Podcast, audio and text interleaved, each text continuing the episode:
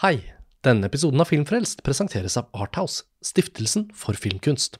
I 30 år har Arthouse reist rundt på filmfestivaler og håndplukket fantastiske filmer fra hele verden, som vi i etterkant får se på kino her hjemme i Norge. For eksempel Bong Yon-hos Parasitt, Celine Siammas Portrett av en kvinne i flammer og Michael Hanekes Amour. Og i fjor sikret Arthouse seg den franske filmen Natt i Paris på filmfestivalen i Venezia. Og denne filmen har norsk kinopremiere 3. juni.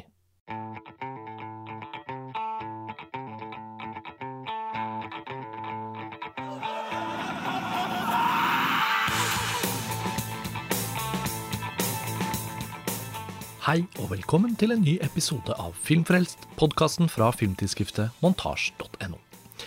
Mitt navn er Karsten Meinick, og i denne episoden så avslutter vi prosjektet Forbudt på kino, som har bestått av en serie episoder der vi setter fokus på ulike former for sensur og forbud som rammet norsk kinokultur på 1990-tallet, og vi har hatt et særlig blikk for kontroversen rundt David Cronenbergs film Crash fra 1996. I denne sjette og avsluttende episoden så skal vi snakke med medieviter Vegard Higraff, som har skrevet en bok om sensurhistorien i Norge. Denne boken har vært en viktig del av min research for prosjektet, og da Higraff sa seg villig til å delta i en samtale, følte vi at det kunne markere en fin avslutning på dette prosjektet. Higraff presenterer boken selv i samtalen som følger, men vi kan kort fortelle at dette er den første samlede framstilling av Statens filmkontrolls historie, fra starten i 1913 og frem til sammenslåingen med Medietilsynet i 2005. Det kommer også frem i samtalen at Statens filmkontroll skifter navn til Statens filmtilsyn, og etter hvert altså til Medietilsynet, og vi går gjennom ulike faser der dette statlige organet tok grep i filmkulturen. Så med det vil jeg bare ønske dere god fornøyelse, og takke dere for at dere har fulgt denne spesialserien av episoder på Filmfrelst. Og nå er vi her på Ringen kino i Oslo, hvor vi skal snakke med forfatteren av boken 'Sensurert'. Hva var undertittelen igjen? Historien om Statens filmkontroll. Nettopp. Vegard Higraff, velkommen til podkasten vår, da, Filmfrelst. Vegard. Hjertelig takk. Den boken er ganske sånn, eh, på en måte etter mitt syn, som har drevet litt research rundt dette, så er det jo et ganske sånn unikt tilfelle av en bok som forteller oss så klart og tydelig hvordan nettopp Statens filmkontroll, Statens filmtilsyn, nå Medietilsynet, ulike navn eh, Mm. for å få det til å høres mildere ut, virker det som, gjennom årene, eh, har fungert. Så det har vært en skikkelig interessant ressurs å sette seg inn i for meg, og så tenkte jeg det er mye bedre å ha deg med forfatteren av boka til å formidle noe av dette til lytterne. Og mm, Hva var det som gjorde deg interessert i eh, liksom Statens filmkontroll og filmtilsyn og sånn? Hadde du en dårlig opplevelse med videokassetter i, bak, Eh, i barndommen? jeg, jo, jeg er jo eh, videogenerasjon, så jeg vokste jo opp med den videovolddebatten på, eh, på 80-tallet. Så det Mm. var nok sikkert én grunn til at jeg eh, ble veldig interessert i film og, og media generelt. Da. Så jeg, eh, jeg er utdanna innen medievitenskap, hovedfag i medievitenskap fra Universitetet i Oslo 2003. og eh, etter jeg var ferdig med studiene, så fikk jeg eh, et engasjement i Statens eh, eh, filmtilsyn, i arkivet der. Tilsynet var i en, eh, en endringsfase. De, de ville gjøre seg sjøl mer tilgjengelig, de ville offentliggjøre mer av hva de jobba med osv. En, en del av det eh, arbeidet gjaldt eh, dette sensurkortarkivet, som de ønska å eh, digitalisere. De ønska å vise filmsensuren gjennom 100 år. Man skulle kunne søke på titler og vite hva, hva skjedde egentlig med den filmen. I arbeidet med det, med, med det sensurkortarkivet så så jeg at her lå det jo en, en bok. Noen måtte skrive bok. Mm. Det var ikke blitt skrevet så veldig mye om Statens filmkontroll. Det var blitt skrevet ei, eh, ei historisk uh, bok tidligere, men det handla mest om, om oppløpet til filmkontrollens uh, Altså starten på filmkontrollen, og litt om, om sensuren på 1910-, 20- og 30-tallet. Tanja Peders Nymo. Veldig god bok, forresten. Og jeg har brukt den sjøl i min e-bok. Så uh, jeg tenkte at her måtte noen skrive, og hvorfor kunne ikke det bli meg? Ja. Du var spesielt godt posisjonert nedi arkivet jeg, følte, der. jeg, følte, jeg følte jeg var i en god posisjon Ja. til å skrive den boka. Så etter jeg var ferdig med mitt eh, engasjement i Statens eh, filmtilsyn, så søkte jeg eh, Fritt Ord fra Rådet for anvendt medieforskning, og Statens filmtilsyn deltok jo òg i den økonomiske delen her. Så jeg satt i, i Riksarkivet i, i et par år og gjennomgikk arkivene der. Jeg var mye nede i Fredrikstad i Filmkontrollen sitt eget arkiv. Og begynte å skrive det på denne boken. Som tok mye lengre tid enn det jeg hadde, først hadde, hadde trodd. Det, det, det, det, vokste til å bli et veldig veldig svært arbeid. Det var så mye stoff å ta av at, at uh, det var en utfordring å forsøke å spisse og komprimere alt dette materialet, sånn at det kunne bli en overkommelig bok som tilgjengelig for, for, en sånn middels gjennomsnittlig filminteressert. At det ikke bare skulle være en, en bok for, uh, for sånn akademikere og, og, de veldig, veldig spesielt interesserte. Ja. Jeg håper i hvert fall at boka er skrevet på en lettfattelig og tilgjengelig måte. Ja, men altså jeg som din leser kan jo da bekrefte dette, og, og, det er jo så flott å ha deg som gjest, for nå kan vi jo tappe deg for kunnskap fra uh, denne boken, og det belyser jo veldig mye av det som jeg syns ligger i litt sånn i bakgrunnen når det kommer til David Cronenbergs 'Crash', som, som, jo du vet at vi har et litt sånn spesielt fokus på her. Så, um, så nå tenker jeg jo at vi skal få forstå litt mer om alt dette uh, med hjelp fra deg. Og det er jo Statens filmkontroll i første omgang vurderer jo da film som skal settes opp på kino i Norge. Eh, kan du ta oss med helt tilbake til starten av dette? Eh, filmen slo jo gjennom i Norge på slutten av 1800-tallet. Mm. Eh, og, og, utover begynnelsen av det nye århundret da, så var det en voldsom tilstrømning til kinoen. Det var en billig underholdning, og alle, mm. alle samfunnsklasser kunne jo gå på kino. Du trengte jo ikke å være rik og kle deg pent for å gå på kino. Så det ble jo et veldig eh, populært tilbud blant arbeiderklassen bl.a. Men eh, blant det å si, borgerskapet så oppstod jo en bekymring for om, om hvilken måte denne nye mediet påvirka, påvirka disse mm. massene som strømma til kinoen. Mm. Så eh, det oppstod etter hvert en kampanje mot, mot, filmen og mot kinoen. At dette måtte komme under kontroll, for det var jo ikke under kontroll. Filmene ble jo bare importert direkte, og så ble det satt opp på den lokale kinoen. Og det var ikke noen eh, mellomledd, det var ingen aldersgrense. Så både barn og voksne kunne gå på kino og se hva som helst, når, når som helst. Det er lett å tenke om stumfilmepoken nå, at liksom alt som ble laget var ganske sånn øh, ja, lettbent eller greit og sånt, men man snakker jo også i Hollywood om sånn pre-code films og sånn. Ja. Og det jo, ble jo forsket i ganske sånn drøyt. De tidlige tilfellene av porno og nakenhet er jo der også. Det var der, det allerede i fotografiets opprinnelse, og selvfølgelig filmens opprinnelse. Så det er jo litt sånn interessant å tenke på at det var drøyt den gangen også. Det var drøyt den gangen. Nå, det var sikkert ikke porno på norske kino, men at det var, det var uh, drøye og pikante saker som ble vist på, på kino også den gangen. Etter mm. den tids standard. Mm. Helt åpenbart. Mm. Så fra 1910 så, eh, så mobiliserte jo både skolefolk, kirkefolk, du hadde disse sedelighetsorganisasjonene som også kasta seg på for å mm. få myndighetene til å innføre uh, forhåndskontroll av, av uh, film som skulle vises i Norge. Og det lyktes det jo med. da. I 1913 så kom jo vedtok Stortinget, og det kom på plass en, uh, en statens filmkontroll som da sto for forhåndsvurdering av alle filmer som skulle vises på kino. Og I tillegg så ble jo alle kinoer etter hvert kommunaliserte. Ja, fordi det kommunale kinomonopolet får jo veldig mye å si for hele liksom, kinokulturen i Norge, egentlig gjennom hele 1900-tallet, ja. føles det ut som. Eh, I hvert fall når man ser tilbake på det og tenker på at eh, eh filmen som om egentlig gjennom hele sin historie, i hvert fall etter at Hollywood liksom etablerte en sånn kommersiell spillefilmform, og etter lydfilmens inntreden, og liksom, sånn som vi kjenner den klassiske kinofilmen, så har det jo alltid vært et veldig kommersielt potensial. Mm. Eh, og i Norge er jo det et interessant paradoks at liksom kommunene og mange av byene hadde jo liksom en veldig sånn fin, trygg inntektskilde fra kinodriften.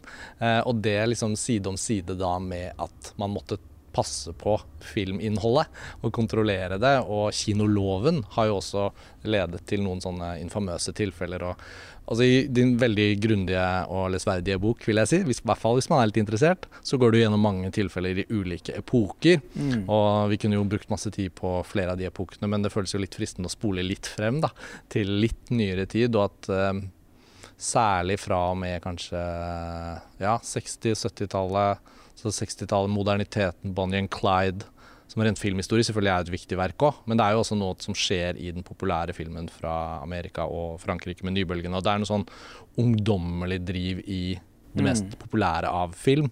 Og i det så er det også kriminalitetsskildringer, voldsskildringer. Og på 70-tallet New Hollywood har jo veldig mange filmer som har en dristighet på tematikk og form. altså Ta Taxi Driver til Scorsese mm. og sånn. Så var det noen sånne tegn da om at filmkontrollen allerede da kanskje måtte begynne å å løsne snippen litt, eller? Var, på 60-tallet så, så vi jo en klar innskjerping av sensuren. Mm. Og det skyldes jo, som du sier, en ny generasjon filmskapere som er opptatt av å liksom utfordre samfunnet på mange vis. Bonnie and Clyde er jo et eksempel på det. Mm. Så virkemidlene blir mye, mye sterkere. Realismen blir, blir mye, mye sterkere de tør å behandle temaer som tidligere har vært litt sånn tabu. og ja, Filmskaperne har på en måte unngått å, å, berøre det. Ikke minst dette med seksualitet. Mm. blir jo mye mer påtagelig fra 60- og særlig inn i 70-tallet. Så vi ser jo da en kraftig eh, eh, økning i antall forbud og klipp av filmer fra, fra midten av 60-tallet. Du har disse spagetti-westernfilmene f.eks. Men også amerikanske gangsterfilmer, italienske gangsterfilmer blir, uh, blir uh, forbudt å klippe over en lav sko. Og det fortsetter inn på 70-tallet med en foreløpig topp ca. 1975, hvor jeg tror de la ned forbud mot 30, 30 filmer det året. Og det er jo uh, rekord. Og jeg vet ikke om en gang vi trenger å påminne lytterne våre om det, men i 1975, da, hvis en film ikke går opp på kino, så skal du ha ganske avansert hjemmeprojektorutstyr for i det hele tatt å kunne se eller få tak i en film. Og at uh, vi er jo så utrolig luksuriøse nå i 2022 at liksom tilgang er liksom ikke egentlig et spørsmål lenger. Um, mens hvis man bare går noen tiår tilbake, så er jo spørsmålet om tilgang hele tiden en sånn, et sånn strikk som strekkes. da, ikke sant? Og at et forbud mot en film i 1975 betød jo i praksis at den ikke ble vist i Norge. Mm, det gjorde jeg. Eh, eventuelt kunne den bli gjenoppdaget senere og sånn, men, men, jeg vet ikke hvor sterk var liksom den alternative visningsscenen den gang. Har, har, du liksom sett nærmere på det? Filmklubber? Du hadde jo denne uh, foreningen Fri Film som kjempa mot uh, Statens filmkontroll på 60-tallet.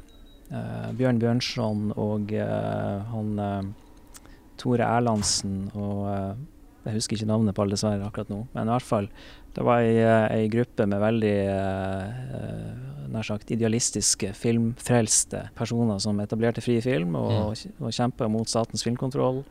Skrev i avisene, holdt, holdt ulovlige visninger. Det var jo politirazziaer mot i hvert fall én, om ikke to, visninger. Jeg tror det var 'Jager nyfiken gul', mm.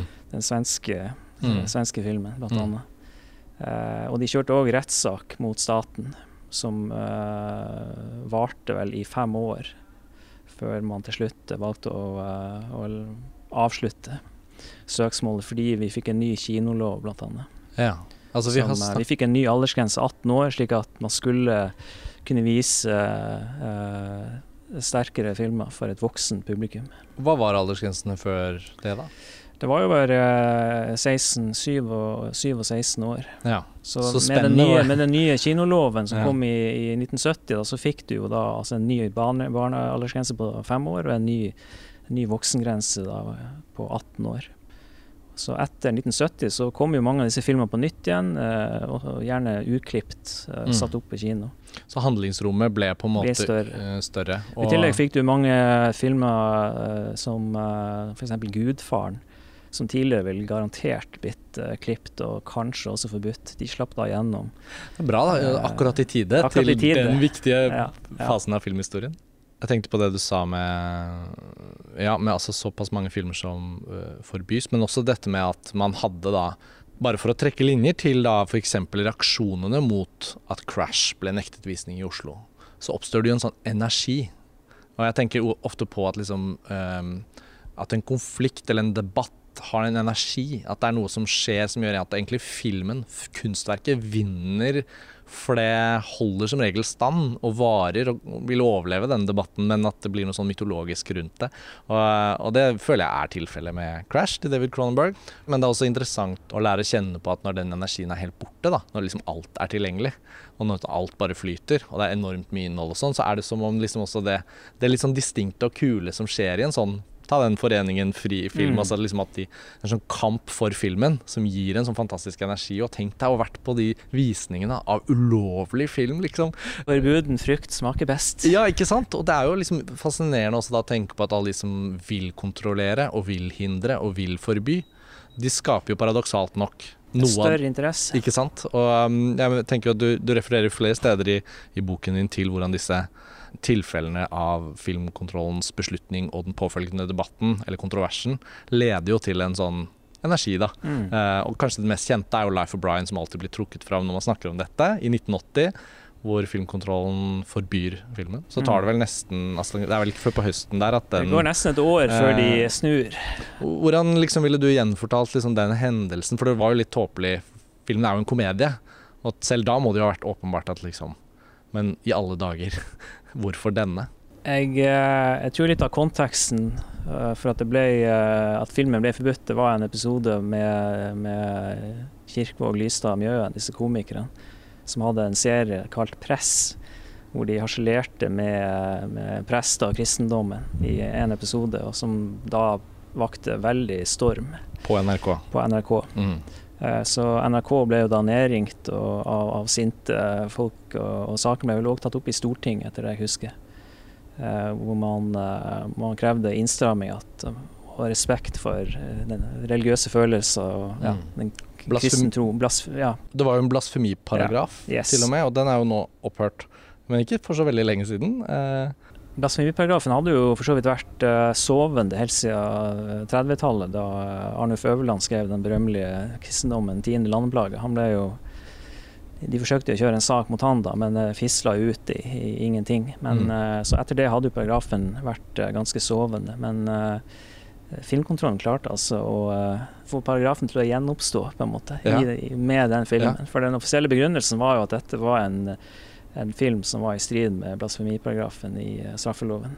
ut fra hva du har liksom undersøkt, så må jo personlighetene i Statens filmkontroll også ha hatt ganske mye å si for hvordan egentlig ting ble, ble gjort. En ting er jo det politiske og hvilken liksom myndighet de fikk, men det må også ha hatt veldig mye å si. Jeg husker jeg var inne og leste de kontrollkortene fra, fra Nasjonalbiblioteket. En veldig sånn fin liksom, artikkel fra for et par år siden hvor de går gjennom det med Life of Brian. Og de har hentet fram disse kortene. Og det var hun Else Germeten som, eh, som henvises til der. da. Og, og så i nyere tid, som vi sikkert kan komme litt inn på snart, Tom Lørland, som var en veldig sånn viktig person for, for Statens filmtilsyn i den moderniseringsperioden rundt omkring det skjer med Mm. Crash, og frem til inn på tidlig på 2000-tallet. Så liksom, når du har sett på disse tingene og sett på hvem som jobbet der, og hva de skrev, og hvordan de tok disse beslutningene, tror du at enkeltpersoner hadde veldig stor innvirkning på de beslutningene? Jeg tenker på Ingeborg Moreus Hansen, som vi henviste til. Hadde jo veldig, det lå jo mye makt på henne som en uh, kurator eller programmerer for det som ble vist på menyen i Oslo. Var det, var det tilfelle at enkeltpersoner hadde veldig mye makt også innad i filmkontrollen? Ja, det vil jeg si. Klart kontrollsjefen hadde alltid stor, stor innflytelse. Eh, men eh, det spesielle var jo at Germeten var jo ikke eh, spesielt religiøs. Og ingen i kollegiet den gangen var spesielt religiøs. Så jeg jeg, tror man må bare si at de, de fleste av den generasjonen var nok eh, vokst opp med en sånn barnetro. og litt sånn, De var kulturkristen, kan man vel kanskje si.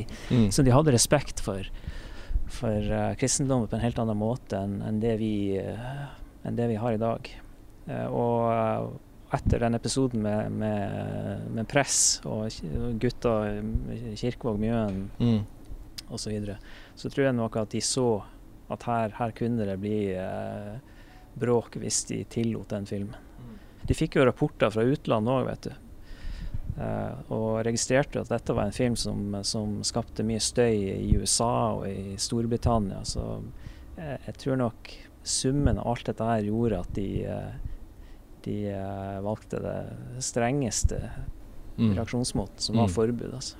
Fordi i internasjonal sammenheng så har jo da Norge av og til blitt trukket inn nettopp pga. den avgjørelsen, fordi det viste seg jo at den fremsto spesielt umusikalsk. Mm. Med tanke på at eh, Life of Brian var en, en satire, og at uh, formen for humor som Monty Python hadde dyrket gjennom 70-tallet, var jo på vei til å bli den absolutte retningen som mye humor og komedie kom til å gå i.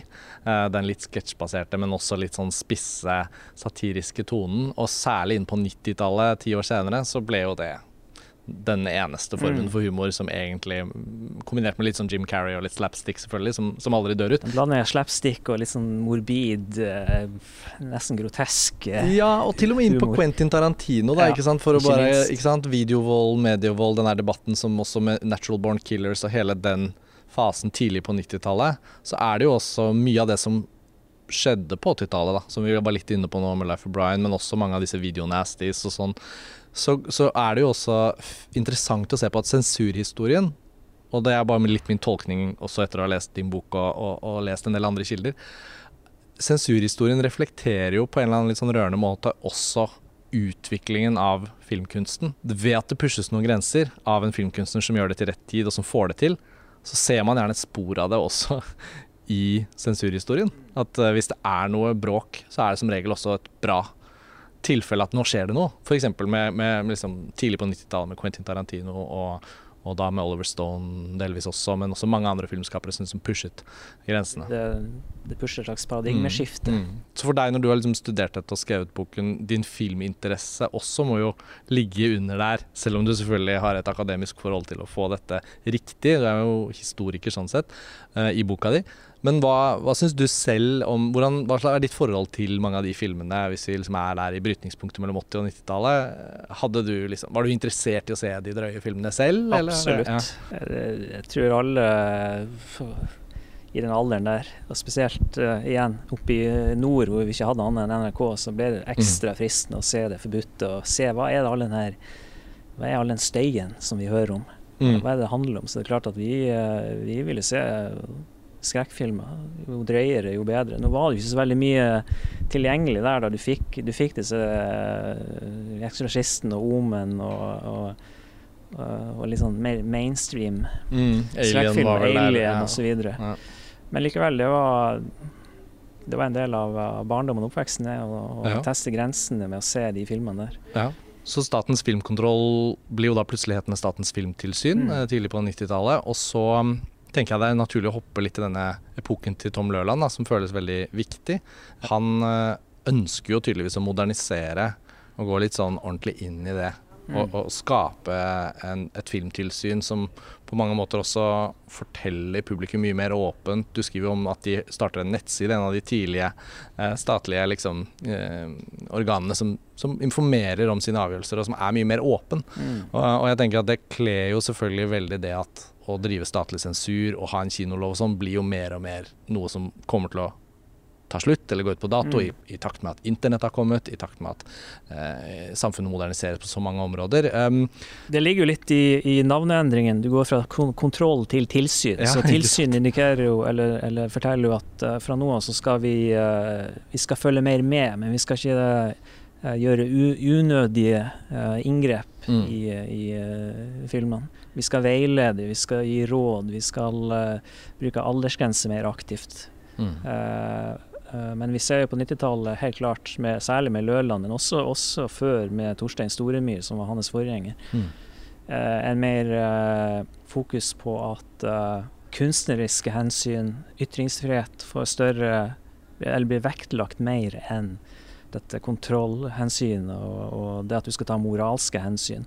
Altså Loven endrer jo ordlyd også. Man går jo bort fra den gamle kinoloven hvor det står at du ikke skal tillate film som er moralsk nedbrytende, krenkende for ærbarheten osv., til å etter hvert henvise kun til straffelovens uh, paragrafer, uh, som handler mer om omfang og mengden vold i mm. filmen. Så du tar, ikke, du tar ikke moralsk standpunkt i en film, men du, du går mer og, og, og ser på hvor, hvor, nærgående filmen er i sin, sine voldsskildringer eller eventuelle seksuelle skildringer. Og så mm. setter du aldersgrense basert på det. Og, og mer sjelden eh, benytter forbuds, eh, forbud som sanksjon.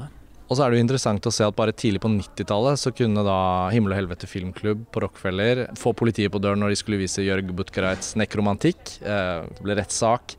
Filmklubben ble frikjent i 1995. Eh, men så, som du beskriver, så plutselig er jo også kinoloven i endring. De, de ansatte i Filmtilsynet er på en måte yngre, de, film, de har filmutdanning.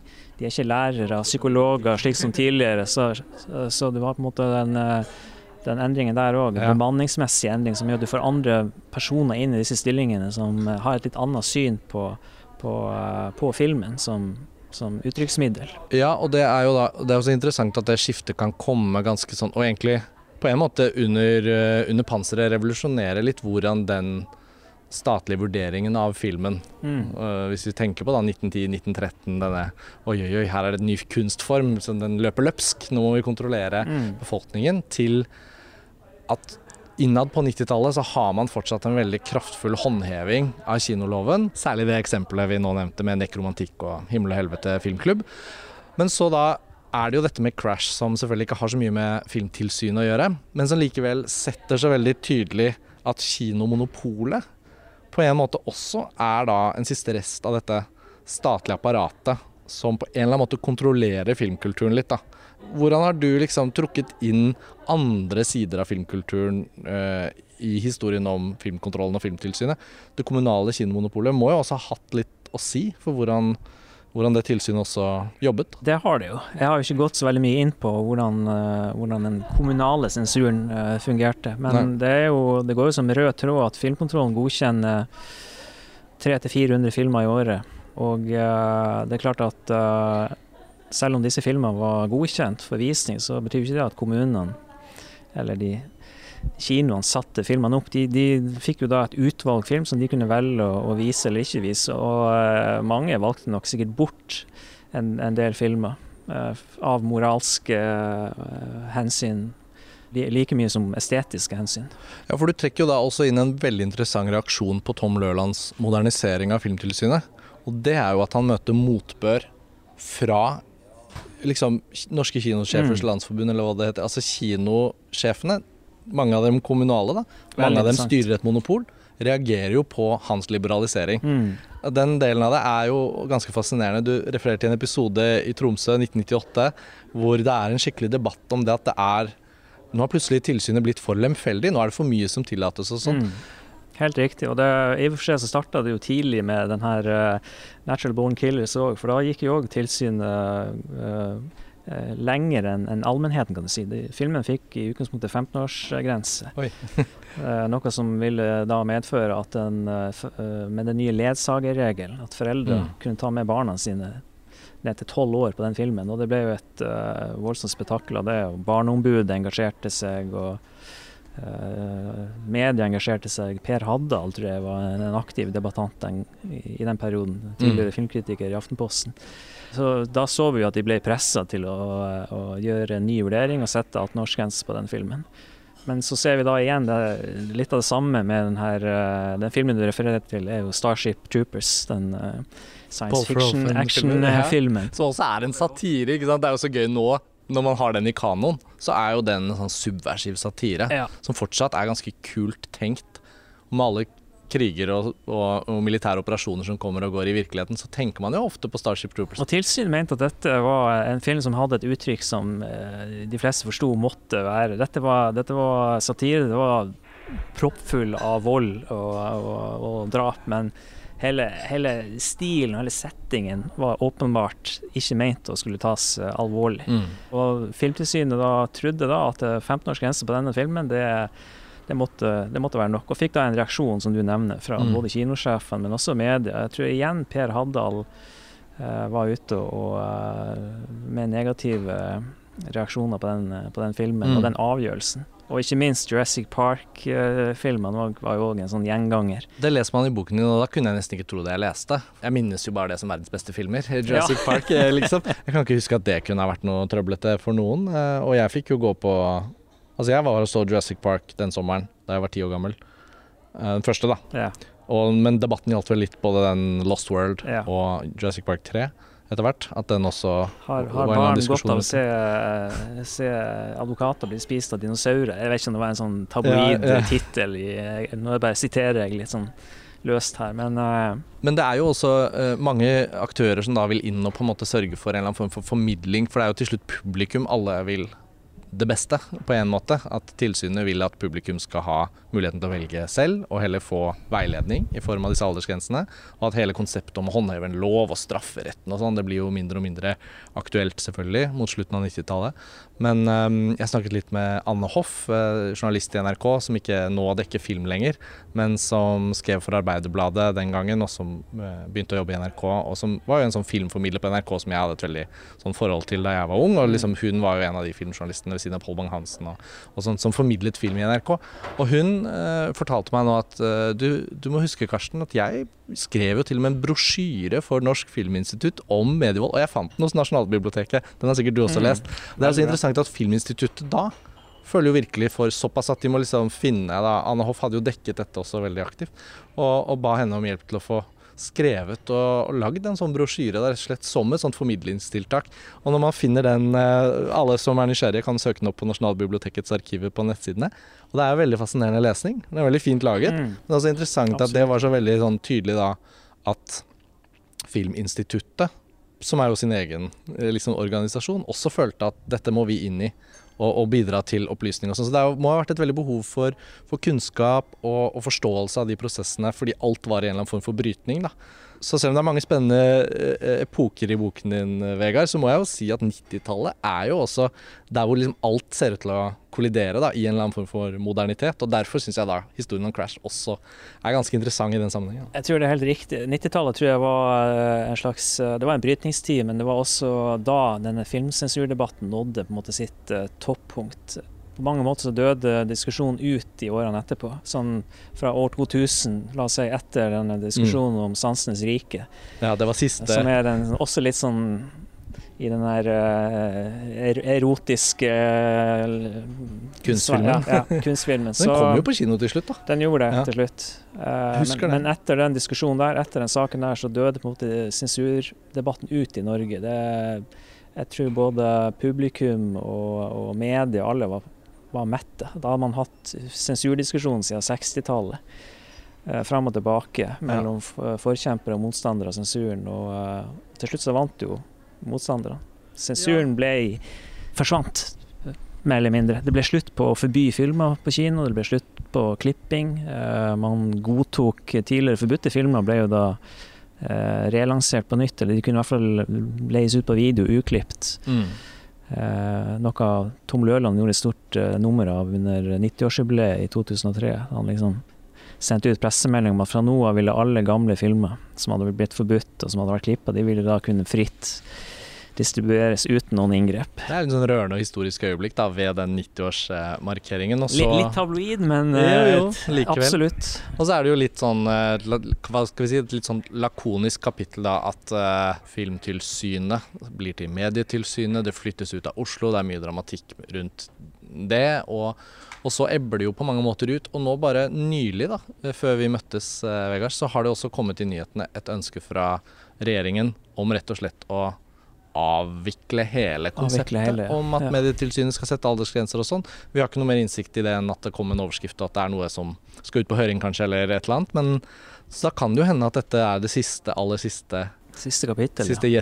Ja, siste krampetrekning. Mange ja. vil sikkert mene at det er på overtid, men uh, i hvert fall. Det, det, virker som det nå går mot uh, slutten. Så mm. at det da blir uh, det blir opp til de som distribuerer film og viser film, som, å sette aldersgrense og og, ja. og kinosjefene som, var, eh, som, gikk litt i strupen på Tom Lørland der i 1998, de argumenterer jo, som du siterer i boken din, for at kanskje vi kinoene kjenner vårt eget publikum best. At det er mm. vi som burde ta de avgjørelsene. Og Det var litt for tidlig, da, men det kan jo hende at det er der vi da ender opp. Og, så, sånn sett så kan man jo si at den historien er over. Og du har jo på en måte da skrevet boken din på rett tidspunkt. da, For du har kunnet liksom sammenfatte egentlig hele historikken, med unntak av det aller siste som har skjedd nå. Og jeg må jo si til lytterne at for de som er nysgjerrige på dette, det er en veldig fin gjennomgang du har skrevet, eh, Vegard. For den, den kom vel ut i 2017, var det sånn? Ja. ja. Og den eh, er tilgjengelig på biblioteket. Der fant jeg den. Eh, Absolutt. Og jeg syns også at um, jeg synes også at måten du går gjennom det på en såpass objektiv og litt sånn det er jo nødvendig å gjøre selvfølgelig en sånn bok, men det er likevel noe med at det er en såpass ladet debatt på så mange tidspunkt. da, At det kan, må ha vært fristende liksom å også mene litt om det. Eh, men ved at boken din fungerer så innmari som en sånn gjennomgang hvor man kan selv Særlig hvis man kjenner filmhistorien litt, da. Så kan man liksom se det i lys av hvordan man kjenner de filmene. Og tenke på at uh, hvordan vi har gjort det i Norge har jo også vært særegent norsk på sett og vis. Og andre land har gjort det på en litt annen måte, men men det er, jo, det er jo Selv om vi har satt mye fokus på crash og sånn, så er det jo også litt sånn flott at i det tilfellet f.eks. så skriver jo Filmtilsynet at nei, på alle mulige måter så skal jo denne filmen tillates, men den er drøy, og den får 18-årsgrense. Mm. Så den lille vurderingen som Filmtilsynet gjorde den gangen, den står seg jo veldig godt, da. Det gjør det. Mm. Så Crash var jo, for Filmtilsynet var jo bare en en fotnote i det store hele. Det var jo filmer både før og etter som, eh, som de uh, hadde mer Eh, hva skal vi si, arbeid med og mm. forsvare og, og, mm. og ja. Mm. Crash som, eh, som sådan var jo ukontroversiell hos, hos, de, de filmsakkyndige, som de kalte seg den gangen. Det var, var i hvert fall veldig spennende å, å se hvordan uh, sensur på en måte har, har speila samfunnet vi har levd i, eller speila samfunnet gjennom 100 år. Mm. At, uh, at ting som eh, skjer i samfunnet, på en måte også eh, får betydning i, i måten man sensurerer på. Mm. Vi har jo ikke vært inne på det nå, men f.eks. under uh, oppløpet til andre verdenskrig var det jo mye politisk motivert sensur. Norge var nøytralt, f.eks. Og staten ble da myndighetenes forlengede arm på det området. På 70-tallet hadde du et, og 60- og 70-tallet hadde du et narkotikaproblem hvor filmkontrollen på en måte skulle bli statens forlengede arm i, i oppdragelsen av befolkningen der. De, de, la ned forbud mot filmer som viste narkotikamisbruk. De klipte mm. filmer som viste narkotikamisbruk. Så mange sånne eksempler på hvordan si, sosiale og politiske problemer på en måte også blir en del av filmkontrollen sitt, uh, sin virksomhet. Ganske fascinerende. Og med det avsluttet vi samtalen vår med Vegard Higraff. En fascinerende, som sagt, gjennomgang av den statlige filmkontrollen i Norge. Vår serie Forbudt på kino består altså av seks episoder, og for de av dere som nå har hørt denne, men ikke hørt de foregående, så er det bare å bladre tilbake i arkivet. Nå står sommeren og sommerferie for døren for mange av dere. Filmfrelst vil likevel fortsette å komme med episoder gjennom sommeren, så følg med. Og i mellomtiden ønsker vi dere alle en veldig god ferie. Ha det bra!